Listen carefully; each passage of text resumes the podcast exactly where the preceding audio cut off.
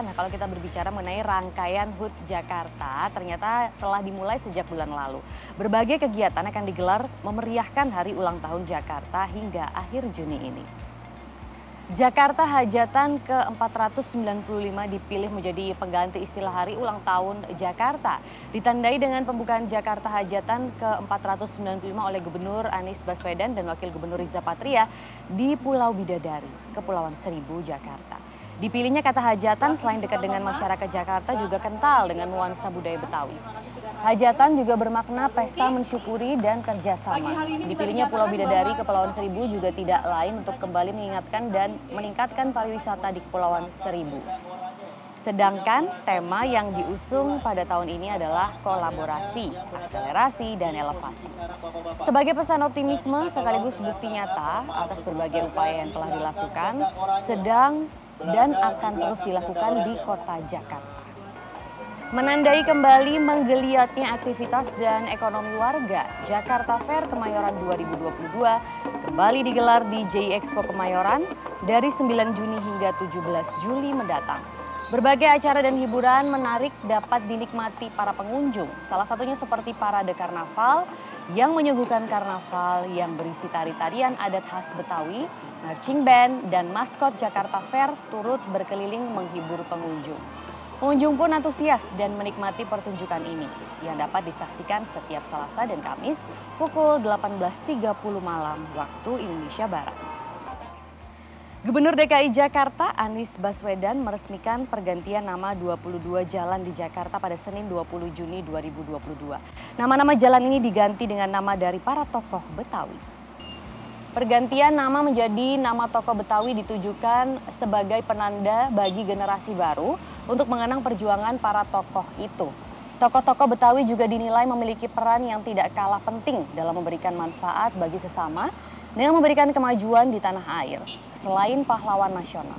Nama jalan ini tersebar di berbagai wilayah Jakarta. Beberapa di antaranya seperti Jalan Pok Nori yang menggantikan Jalan Raya Bambu Apus, kemudian Jalan Entong Gendut yang mengganti Jalan Budaya, Jalan Haji Darip yang menggantikan Jalan Bekasi Timur Raya, dan Jalan Haji Bokir bin Jiun yang menggantikan Jalan Raya Pondok Gede serta 18 jalan lainnya.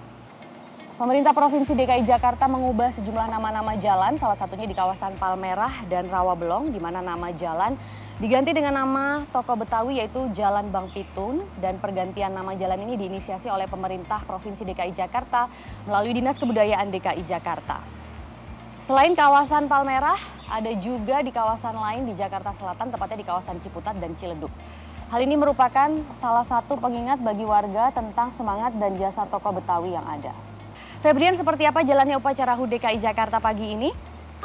Maria, pada upacara peringatan HUT DKI Jakarta ke-495 pada pagi hari ini sudah berjalan dengan sangat baik, di mana tadi Gubernur DKI Jakarta Anies Rashid Baswedan sudah membuka langsung pada pukul 7 waktu Indonesia bagian Barat. Bahkan prosesi upacara sampai dengan saat ini masih berlangsung di mana tamu undangan yang terdiri dari sejumlah kepala dinas DKI Jakarta, kemudian juga ada TNI dan juga Polri masih berada di lokasi dan mereka menyaksikan sejumlah suguhan yang ditampilkan dan tampilan yang saat ini sedang ditampilkan adalah marching band yang sedang dilakukan dengan uh, tema sesuai dengan HUT DKI Jakarta yakni adalah kolaborasi, akselerasi dan juga elevasi.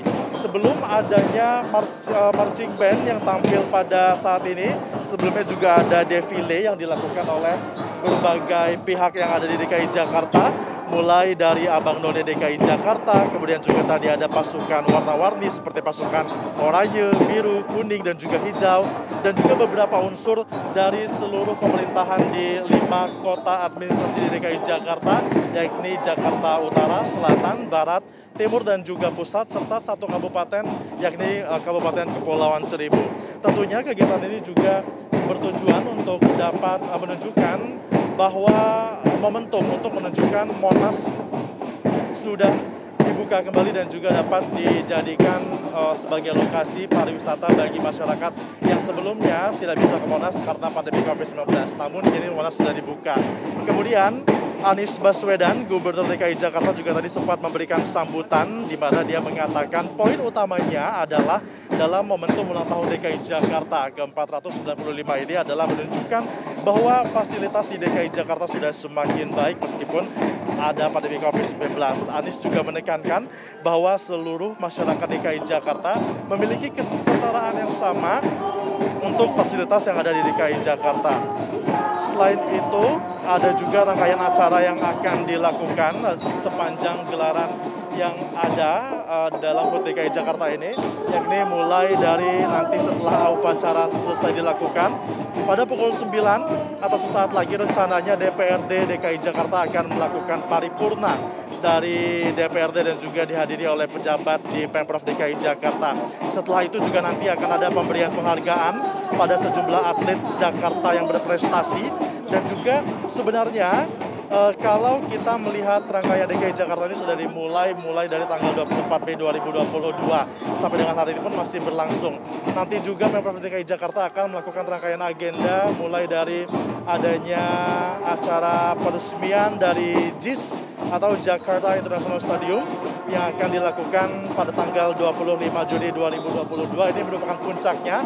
Dan untuk acara penutupan dari ulang tahun DKI Jakarta ke 495 ini nantinya adalah pada saat Car Free Day, yakni pada tanggal 26 Juni 2022 di Car Free Day tersebut akan ada bazar yang akan digelar. Namun puncaknya seperti yang tadi kami sudah katakan akan dilakukan pada tanggal 25 Juni 2022 di mana nantinya akan ada Jakarta Hajatan dan juga Jakarta Award yang akan dilakukan di Jakarta International Stadium. Jelang Hari Raya Idul Adha, Dinas Pertanian dan Pangan Kabupaten Poliwali Mandar, Sulawesi Barat semakin intens melakukan pemeriksaan terhadap sapi kurban.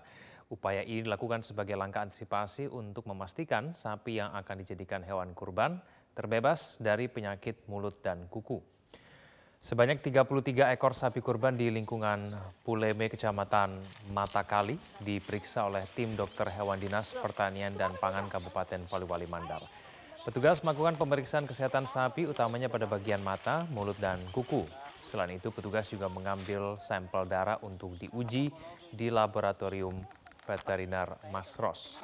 Upaya ini dilakukan untuk memastikan sapi yang akan dijadikan hewan kurban bebas dari penyakit mulut dan kuku.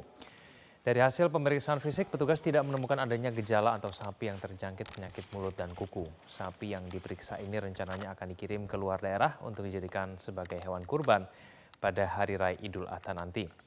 Meski sejauh ini Dinas Pertanian dan Pangan setempat belum menemukan adanya temuan kasus PMK di daerah ini, namun pemeriksaan kesehatan hewan kurban akan terus rutin digelar untuk mencegah penyebaran penyakit mulut dan kuku di daerah tersebut.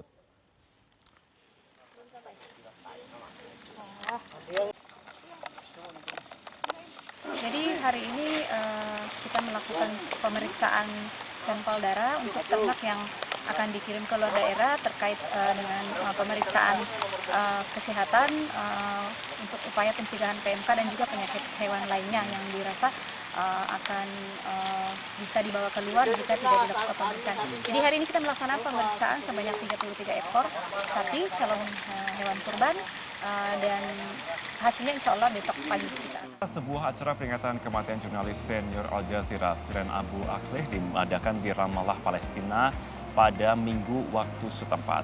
Siren ditembak mati oleh tentara Israel ketika meliput serangan tentara Israel di Jenin, tepi barat Palestina bulan lalu.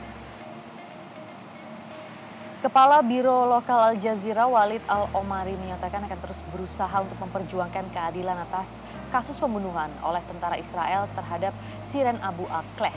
Jaringan Al Jazeera telah mempublikasi sebuah foto peluru yang mengenai Abu Akleh.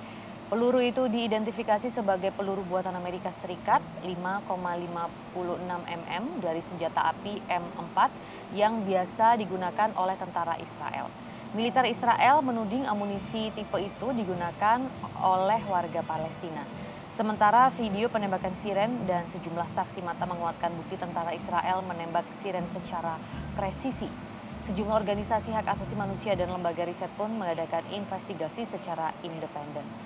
Nama Abu Akleh dikenal luas di penjuru Arab karena pekerjaannya yang selalu mendokumentasikan kesulitan hidup warga Palestina di bawah kependudukan Israel.